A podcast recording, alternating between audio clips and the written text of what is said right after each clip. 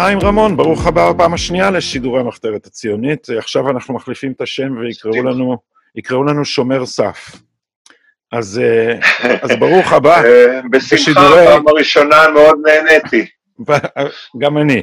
אה, והדבר ראשון, וכפי שנדברנו, לו אתה היית עכשיו הכנסת, מה היית טוען בפני בית המשפט הנכבד בעיצומו של המחזה שאנחנו רואים נגד עינינו?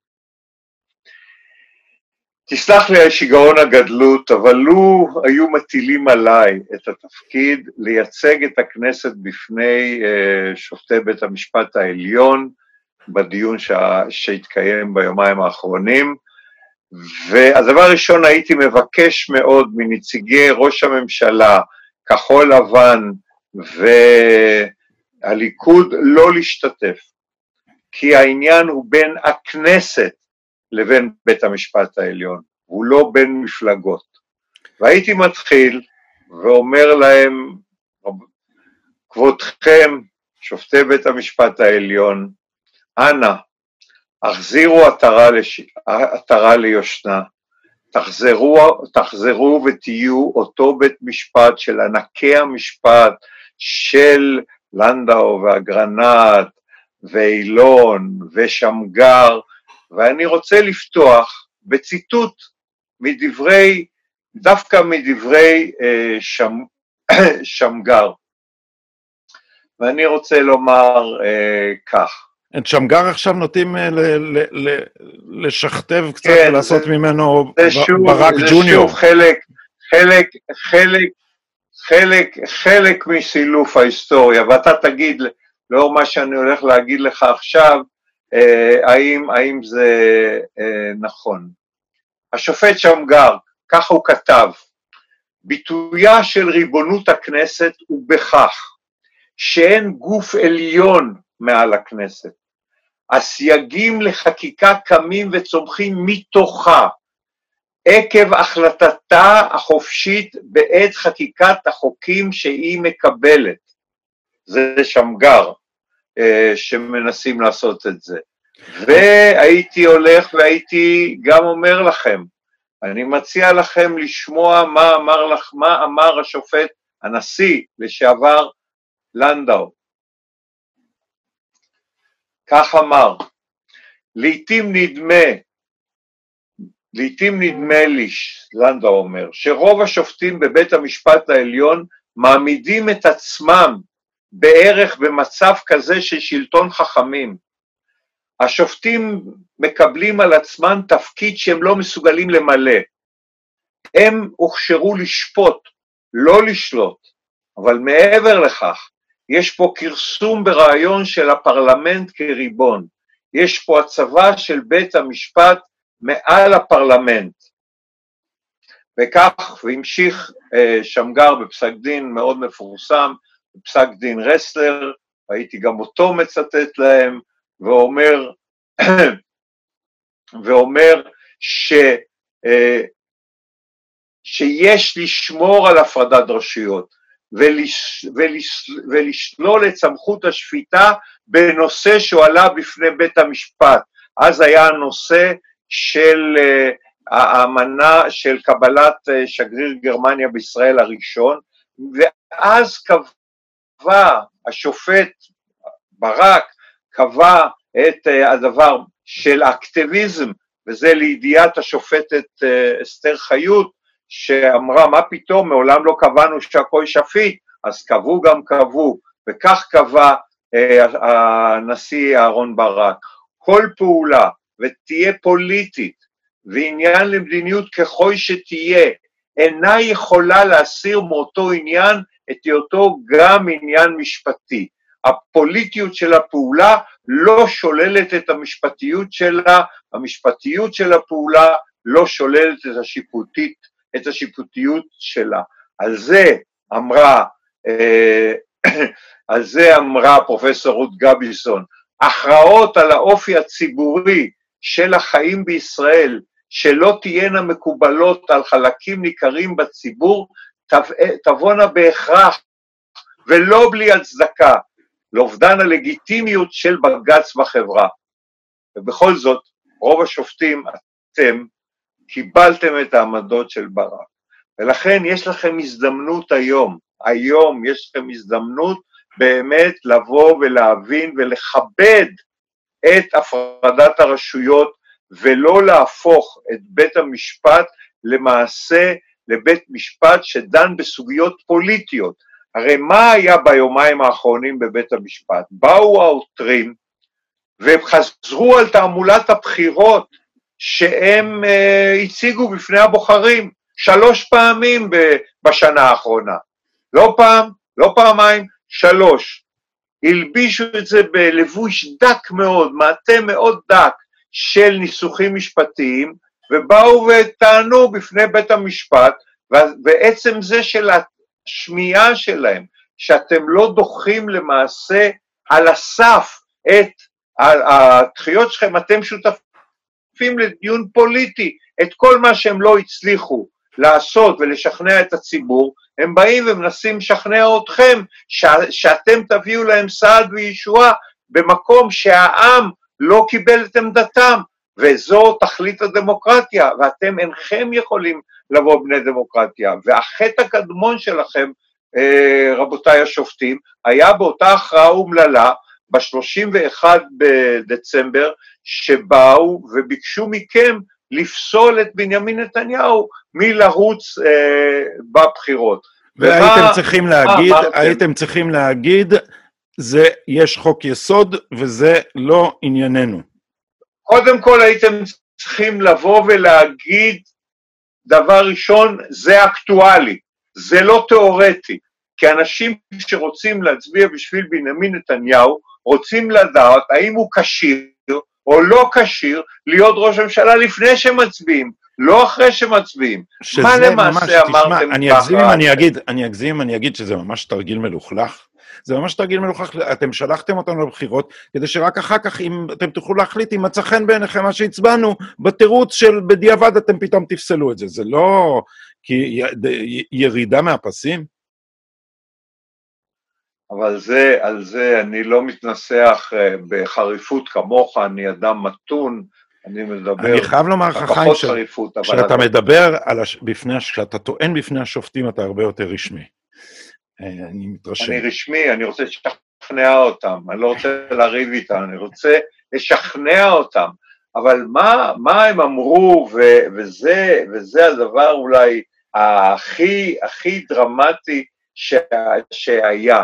הם באו ואמרו שזו סוגיה שצריך לדון בה והיא יורדת לשורשו של המשטר בישראל וכדומה, דבר שהוא ברור. עכשיו היו בחירות, בנימין נתניהו נבחר, ועכשיו יום שלם הם עוסקים בלדון האם בנימין נתניהו כשיר או לא כשיר, כאשר בשני חוקים, לא בחוק אחד, גם בחוק יסוד הממשלה וגם בחוק הממשלה, אומרים במפורש שהוא כשיר גם כשר, דווקא בחוק הממשלה זה עוד יותר ברור, כי אומרים בחוק הממשלה, סעיף 4, הוא אומר דבר ברור, אם אדם מועמד לדין, יש לו כתב אישום לפני, בטרם, הביטוי הוא בטרם הוא מונע. בטרם יחל לכהן, כתוב שם, כן. בטרם יחל לכהן, אז קובעים את סדרי הדין, באיזה בית משפט הוא, באיזה בית משפט הוא יעמוד לדין, ואם התחילו הראיות, לא התחילו הראיות, ובזה דנים יום שלם ולא אומרים לעותרים, סליחה, נכשלתם בפני הציבור, בבקשה, לא דנים בזה, זה היה צריך להיות דיון של אולי עשר דקות ולא יותר. ודבר שני, ודבר נוסף שהייתי אומר להם, תראו, אתם, מאיפה אתם לוקחים שהלכת דרעי-פנחסי אה, אה, שרירה וקיימת. הרי זה שוב אחת השערויות הכי גדולות. אני אתחיל מהעבר, ב-1993 עשה אהרון ברק מעשה שלא יעשה. פסל את דרעי. בלי שום סמכות, בלי לא, שום עיגון בחוק. בניגוד, לח... בניגוד לחוק יסוד הממשלה וגם בניגוד לתקדים של בית המשפט עצמו בפרשת אבוחצירא. אוקיי, אבל עשה מה שעשה, בנה קונסטרוקציה משפטית, לא במקרה, תכף אני אגיד על זה משהו, אה, אה, ולא במקרה זה עבד. ב-2001 בשני חוקים, גם בחוק יסוד הממשלה וגם בחוק הממשלה, נקבע במפורש ששר תסתיים כהונתו רק אחרי שיורשע על ידי בית משפט בערכאה נמוכה. הוא לא צריך כמו ראש ממשלה בערכאה סופית. אבל פעמיים חזרו על זה, ביטלו, וכל סטודנט למשפטים שנה א' יודע שכאשר יש פסיקה, יש חוק שבא אחרי פסיקה, אחרי פסיקה, הוא קובע, עכשיו זה לא היה ככה בהיסח הדעת שלא ידעו על אה, פסקת אבל תשמע, מקשיבים, חיים. מקשיבים לדיונים שלהם, והם מתייחסים את זה כאילו, זה תלוי בהם אם הם אה, אם, אם הם מוכנים להכיר בזה שהלכת דרעי-פנחסי בוטלה, או שהם חושבים שהיא עדיין בתוקף. זאת אומרת, זה, זה אני לא זוכר לא, הבעיה זה עורכי הדין, הבעיה זה עורכי הדין להגיד, רבותיי, אבל, אבל השופטים, שום... אבל השופטים, איך הם מתייח... יש פה חוק מפורש. מה הם אומרים? אנחנו מצפצפים עליו, זה מה שהם אומרים. כן, אבל מכיוון שמאז המהפכה המשטרית של אהרן ברק... החוקתית, כן. החוק... המשטרית. חוקה זה בסדר, משטר, שונה משטר. אוקיי. Okay. ואני תכף אגיד מה אמר נשיא המדינה על זה. שונה המשטר, ואז החוקים הם המלצה לא מחייבת, ולא במקרה פרופסור פוזנר, מראשי, אולי מהמשפטנים הכי בולטים בארצות הברית, גם בעל הרצאות בארץ, כינה את אהרון ברק פיראט משפטי, וזה ויורשיו ממשיכים בפיראטיות המשפטית כאשר הם לוקחים לעצמם שלא כדין, לא על פי חוק, את הדמוקרטיה, את, הח, את החוקים, ועושים בהם כמיטב יכולתם. וחבל, הייתה הזדמנות היום של הכנסת, של נציג הריבון, לבוא ולומר, רבותיי, בואו נחזור לבית המשפט הישן והטוב, שאז לא הייתה השתוללות, עד כמה שאני זוכר היו זכויות אזרח במדינת ישראל, לא, הייתה פה, לא היה פה אה, לא דין ולדיין, ובואו נחזור ותנסו להיות לנדאו ואגרנט ואפילו שמגר שפה ושם אתם טוענים שהוא אקטיביסט, את זה מה שהיה צריך לקרות. אבל, אבל, הרב... אבל תראה, אתה, אני לא יודע אם ראית גם את הדיון שהיה חלוץ בתחום השידורים, וזה הדיון שבו דנו בשאלת יו"ר הכנסת והאם הוא צריך או לא לקיים הצבעה על החלפתו. ועומד שם אייל ינון, שהוא היועץ המשפטי של הכנסת, והוא בעצם פותח את הדלת לשופטים, במקום לייצג את הכנסת מול בית המשפט, בלמים ואיזונים, במקום זה הוא מסביר להם איך הם יוכלו להיכנס מפה ולעשות ככה, ואיך זה יוכל, יהיה להם איזמל וסקלפל, והם יס... אז, אז, אז יש פה משהו גם סוציולוגי שצריך להגיד, מפני שזו אותה קבוצת אנשים, והם שומרים את הכוח בידם, והם שומרים את הכוח כך שהוא לא ידבר בידי הפוליטיקאים. אה, זה היה אחד המחזות הכי הזויים. לא היה ייצוג לכנסת. בא היועץ המשפטי לכנסת ומציע לבית המשפט העליון איך לרמוס את תקנון הכנסת. עכשיו, זה לא היה באיזו סוגיה דרמטית, זה היה האם יושב ראש הכנסת ייבחר ביום חמישי או ביום שני, זה הכל. עכשיו, בשביל זה רמסו תקנון בעזרתו האדיבה של היועץ המשפטי של הכנסת. זה, זה לא יאומן בכלל, אני יכול לומר ש... אבל, אבל זה לא היה נושא פעוט, חיים, רגע, זה לא היה נושא פעוט. זה היה, זה היה חלק, בית המשפט כאילו עודד את התרגיל של העופר שלחים למיניהם ושאר הפוליטיקאים היותר ערמומיים ופחות עמוקים שיש לנו, להשתלט על הוועדות של הכנסת כדי לעשות חוקים פרסונליים נגד נתניהו בהשתלטות עוינת בהישען על הרשימה המשותפת, ובית המשפט עזר להם בזה, בלי לדעת שמתנהל משא ומתן קואליציוני עם גנץ. אה, אה, אני, אני, אה, זה מה שאתה טוען, אני מתייחס רק למה שעיניי ראו, אוקיי? אוקיי? ומה שעיניי ראו זה דבר מאוד פשוט, זה דבר מאוד פשוט, שבית, שבית המשפט העליון אומר, לא, אתם תעשו בדיוק מה שאני אומר. בפ... מה שאתה הולך זה, אתה טוען איזה ברית בין בית המשפט העליון לעופר שלח וכדומה.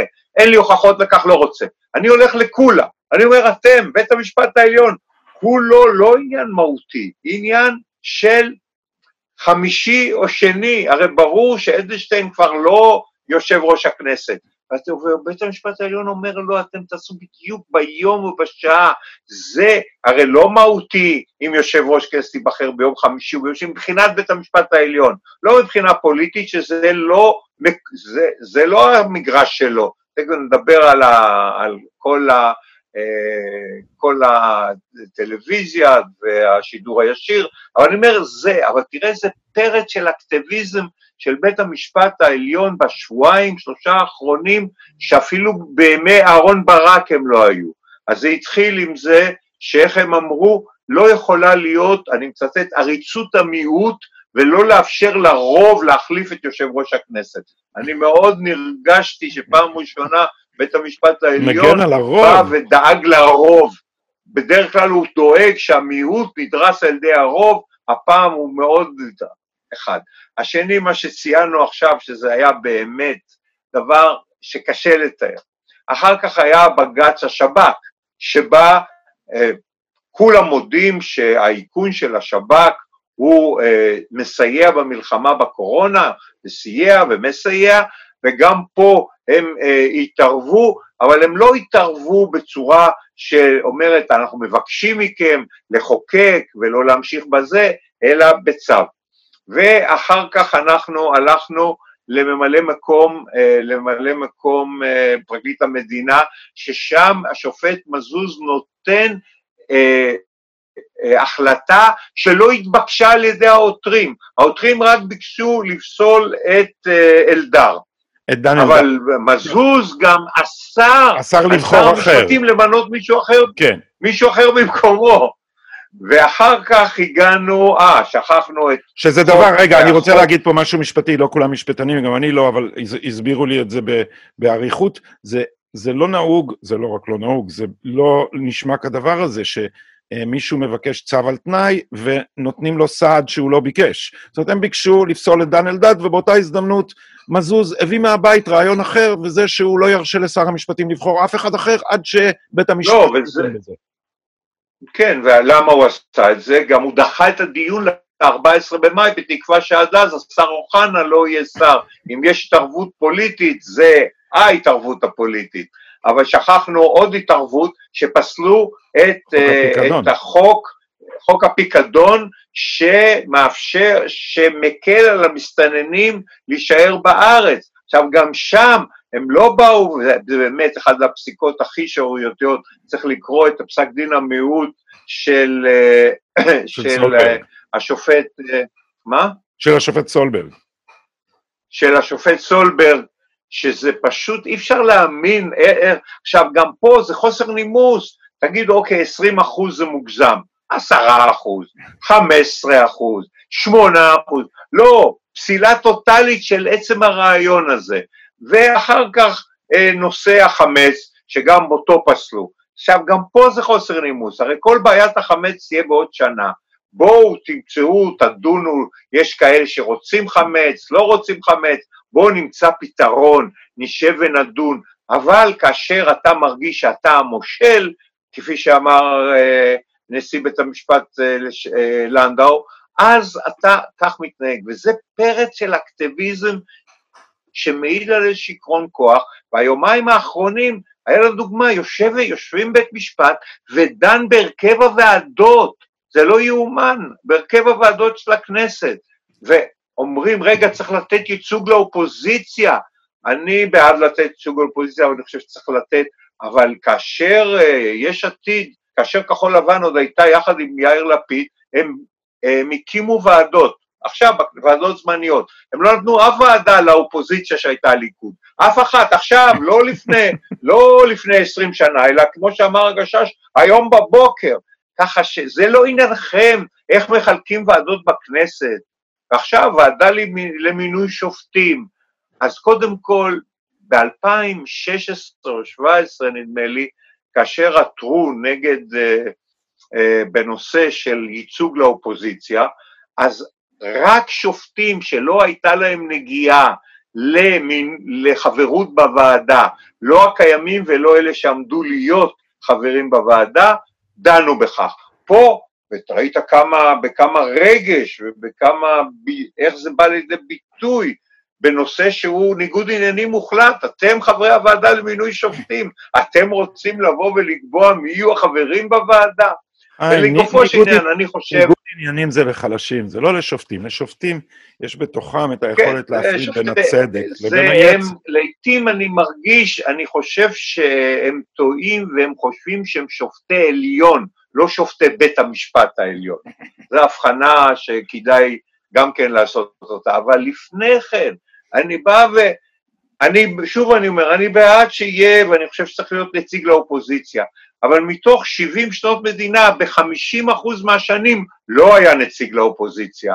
לכן הדברים האלה צריכים להסתדר בתוך הכנסת, על ידי הכנסת, ולא מחוץ לגבולות הכנסת, ואסור לדון בהם, אבל היה דיון שהוא כולו שייך לעולם הפוליטי, לא לעולם המשפטי, ועצם הדיון בו, הרי בית המשפט עצמו העליון קבע שהוא לא דן, לא בהסכמים קואליציוניים, אלא אם יש חריגה בלתי סבירה באופן מוחלט, והוא גם לא דן בחוקים שלא באו לעולם, הם קבעו את זה. שוב, השופט מזוז ב-2017 בפסק דין, ידוע, הוא אומר, אנחנו לא דנים בהליכי חקיקה לפני שהם חוקקו, במקום לעשות יומיים דיונים, אצלי, אם אני, אני חושב שהדיונים היו צריכים להיות ביום הראשון חצי שעה, שלום, בוקר טוב, החוק ברור, אין לנו מה לעשות, זה החוק, כל היתר זה תעמולת בחירות, תפנו בבקשה אל הציבור.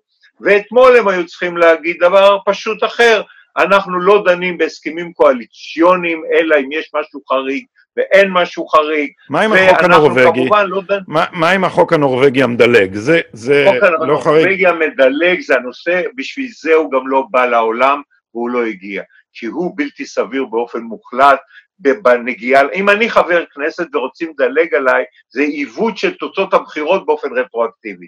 ולכן הבינו, גם uh, מי שרצה, שזה נושא שפוגע בזכות שלי כחבר כנסת. אני נבחרתי, ואתם עושים חוק שלא נבחרתי. זה, זה לא סביר, וטוב שזה לא יהיה. אבל כל הש... באמת, לא נעים להגיד, מי שמבין כנסת, הקפאה, למה אתם כותבים הקפאה? הרי אתם, יש ביניכם הסכם הדדי, לא, שאתם בוחרים רק בהסכמה. אז אתם, אם לא תגיעו להסכמה, ממילא זה יוקפא. והחוקים, אם לא יגיעו להסכמה, במילא לא יהיה חוקים. סתם לכתוב דברים, והם, ואני מניח שהדברים האלה הם יכתבו כל מיני, כן, אנחנו נעשה בהסכמה, ואני מקווה שיגיעו להסכמה, אבל אם לא יגיעו להסכמה, זה יוקפא ממילא. עכשיו, יש עוד, עוד דברים שאתה, הם לא חשובים. למה אין מפכ"ל קבוע למדינת ישראל, אתה יודע? כי בגלל שהמערכת המשפטית התערבה ופסלה שלושה ניצבים, בלי סמכות דרך אגב. של... ואז נהיה ממלא מקום, ואז אמרו, רגע, יש ממשלת מעבר, ואחרי שהתברר שממשלת המעבר היא כמעט שנה, אז היועץ המשפטי הואיל בטובו אה, לאפשר לממשלה לבחור קבוע. ואז כבר היינו מערכת בחירות, וכבר לא עשו את זה. וצריך להזכיר שבאמצע, אבל זה כל זה התחיל מזה שיירטו את גל הירש באופן שלא ברור לי שהוא לגמרי כשר. לא, זה לפני הרבה שנים. אני מדבר רק על איך, על משפטים. לא על השמות. אבל, כל, אבל, אבל גם כל, כל, כל העובדה שהוועדה למינוי בכירים היא נעשתה, בכל מקום שנכנס מבחן הסבירות ונכנס משפטן, זה אומר שלוקחים את הכוח מידי הפוליטיקאים. זה מה שזה אומר.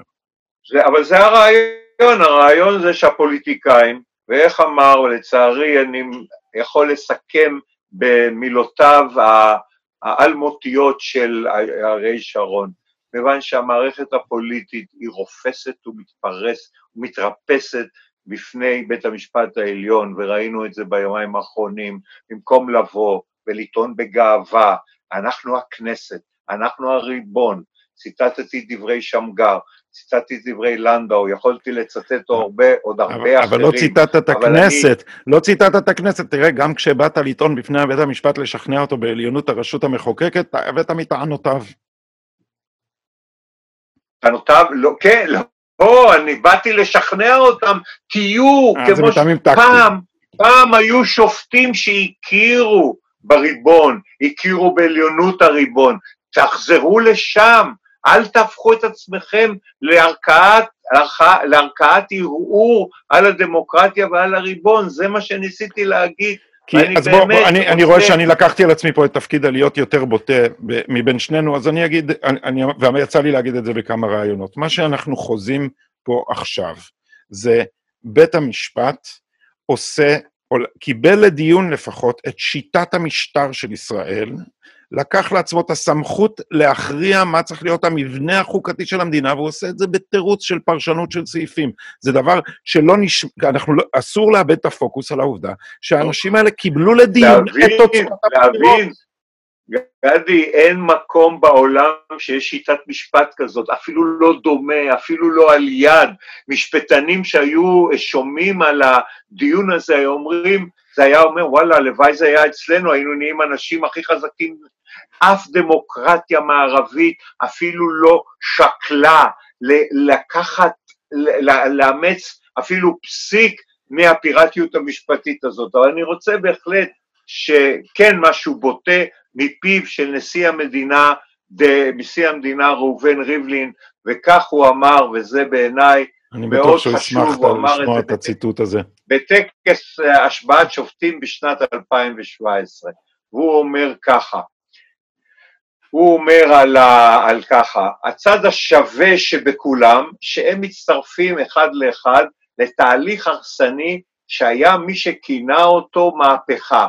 אולם אני מוצא בתהליך זה הפיכה של ממש, שכן, כפי שלמדנו כולנו, וזה מאוד חשוב, מהפכה מתרחשת מלמטה, בהתקוממות עממית אשר מטפסת ומשפיעה על הצמרת. ואילו כאן, וזה אולי הכי חשוב, גמרה עומר, הצמרת עצמה, לבלבל את היוצרות בתוכה, וכך, וזו העמדה שאני מחזיק בה כל הזמן. זאת אומרת, פה הייתה מהפכה, הפיכה הפוכה, הצמרת עשתה מהפכה נגד העם, נגד הציבור, נגד הריבון, וזה המציאות שאיתה אנחנו מתמודדים.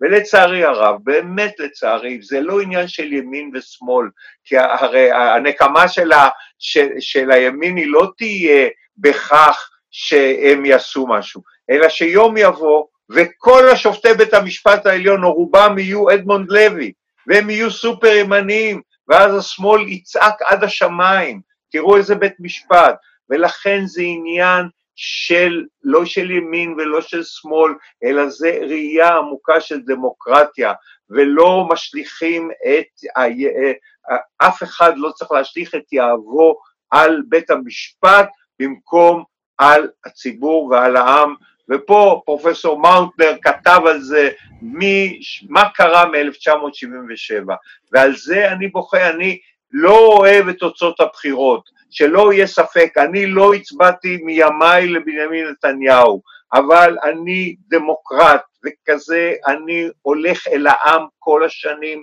ומנסה לשכנע אותו.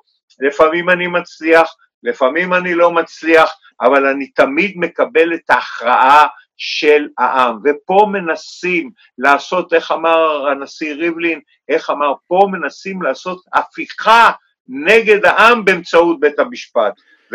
ופה אה, הוחמצה הזדמנות אדירה של הכנסת לקום, לזקוף קומה, להפסיק, להפסיק להתרפס ולהגיד את כל הדברים האלה בפני בית המשפט.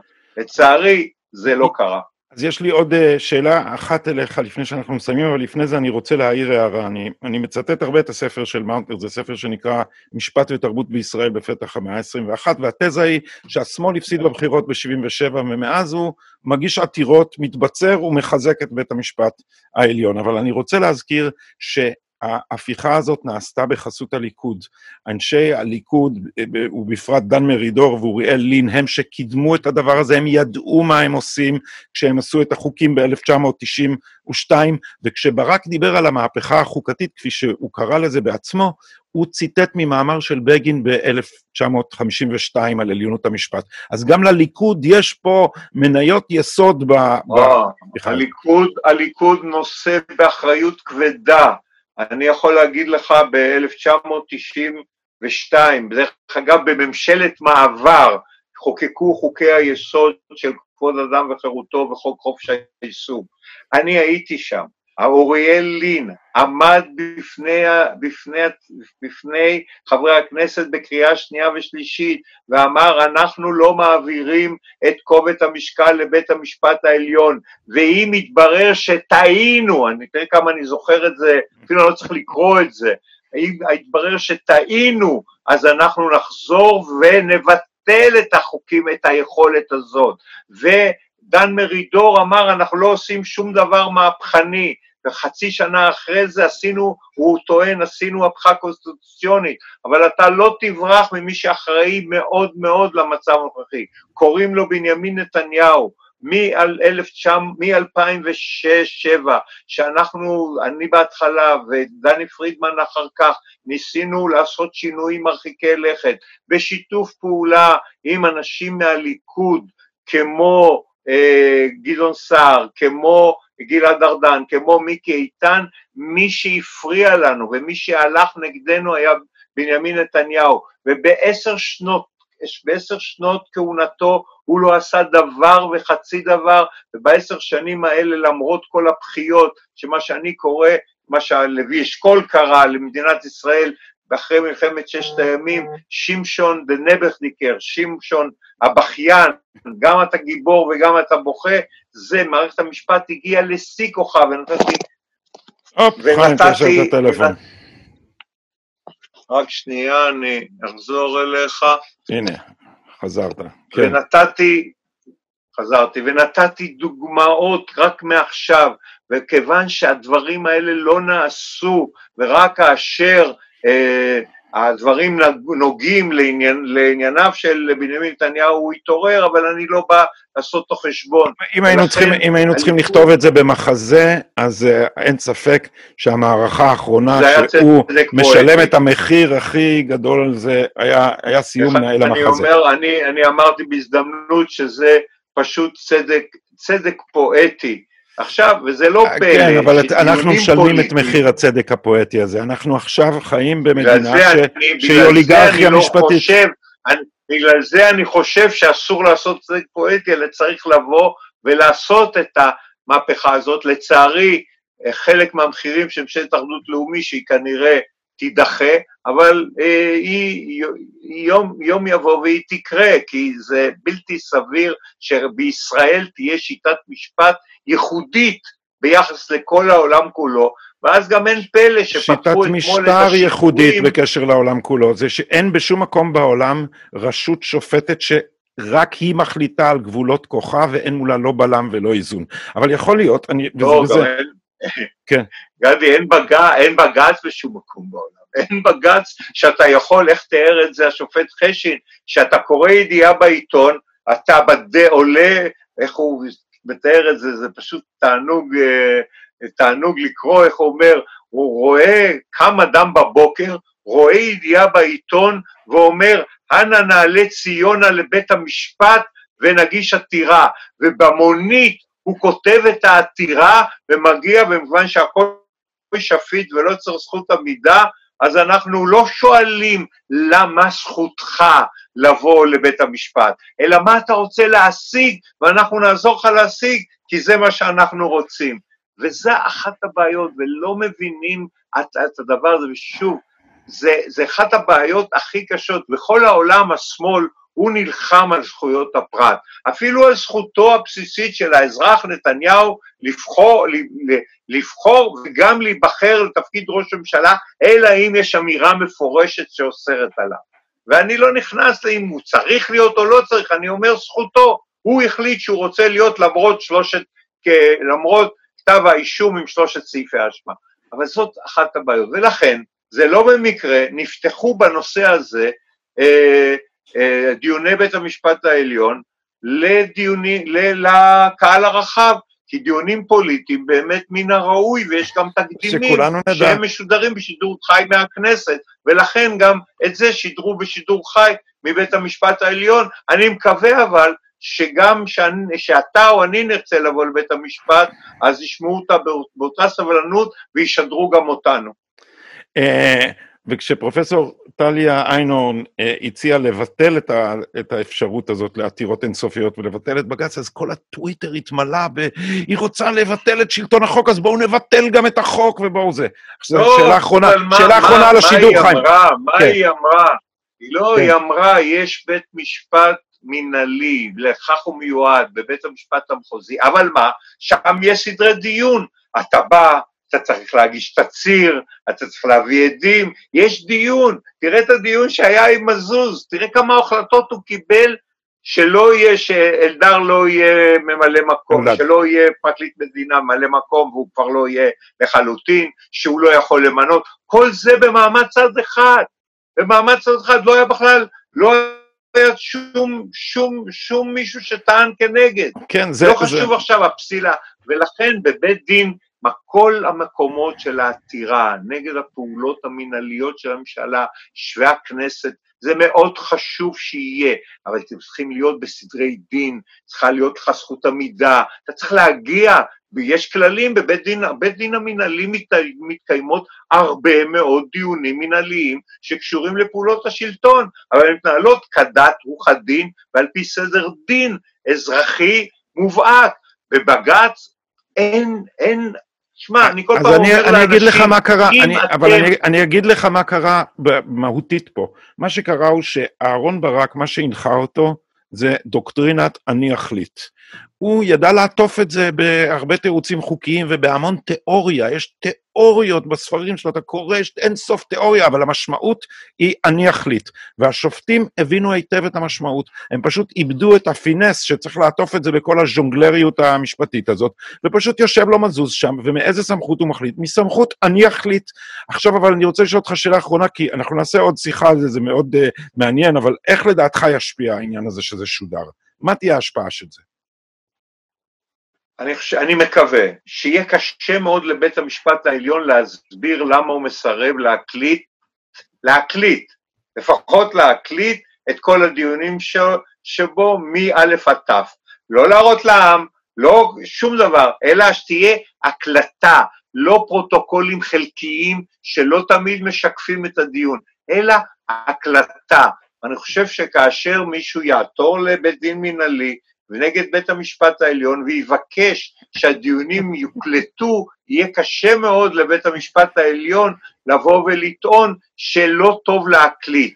ההקלטה היא פשוטה, היא לא קשורה, היא לא בעייתית מבחינת שידור, זה דבר מאוד מאוד פשוט, ואז גם אנחנו נראה האם בית המשפט מגלה את אותה מידת סבלנות ואורך רוח גם כלפי טוענים שלא כאשר, לא, לא רק כאשר יש שידור והעם העם גם רואה וגם uh, שומע את הקולות, ואני חושב שאם כך יהיה, ויהיה פרוטוקולים אמיתיים שמשקפים את הדיונים בבית המשפט העליון, הדבר הזה בהחלט, אם מהעז הזה ייוולד המתוק הזה, אז היה שווה גם לראות יומיים של דיונים פוליטיים, ואיך מתנהלים דיונים פוליטיים בבית המשפט uh, העליון, ובצדק, כי חלק גדול מהפסיקות, כי הקראתי לך מה אמר אהרון ברק. הוא אמר, הכל פוליטי והכל משפטי, לכן יש לי זכות. מה שאהרון ברק אמר, אתם באמת נחמדים מאוד, אתם אבל אני אחליט, דמוקרטיה, כי אני יותר אני, חכם. אני שלטון החכמים, ואני מייצג את הציבור הנאור, ואני זה שמתווה אתכם. לפחות הוא אמר את זה ביושר, והוא גם היה ענק משפטי. אני לא בא ב...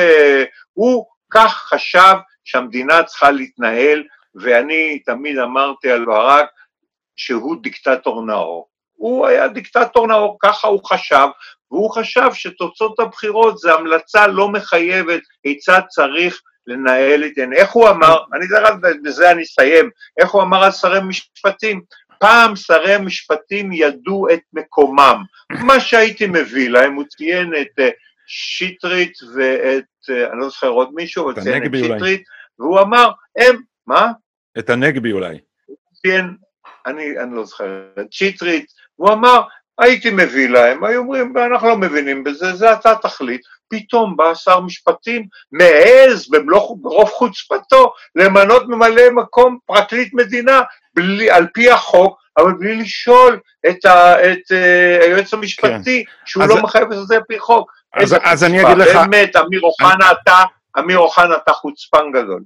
אז ב, כמובן, בנימה אני... אופטימית זו, אני, אני, רק, אני רק אוסיף הערה ואנחנו נעשה עוד שיחה ונוכל להתחיל משם. וההערה היא שכל התשבחות על כמה גאון משפטי היה ברק, ברק זרה רוח ואנחנו נקצור סופה, הוא יצר מבנה לא יציב שאי אפשר להכיל אותו בדמוקרטיה.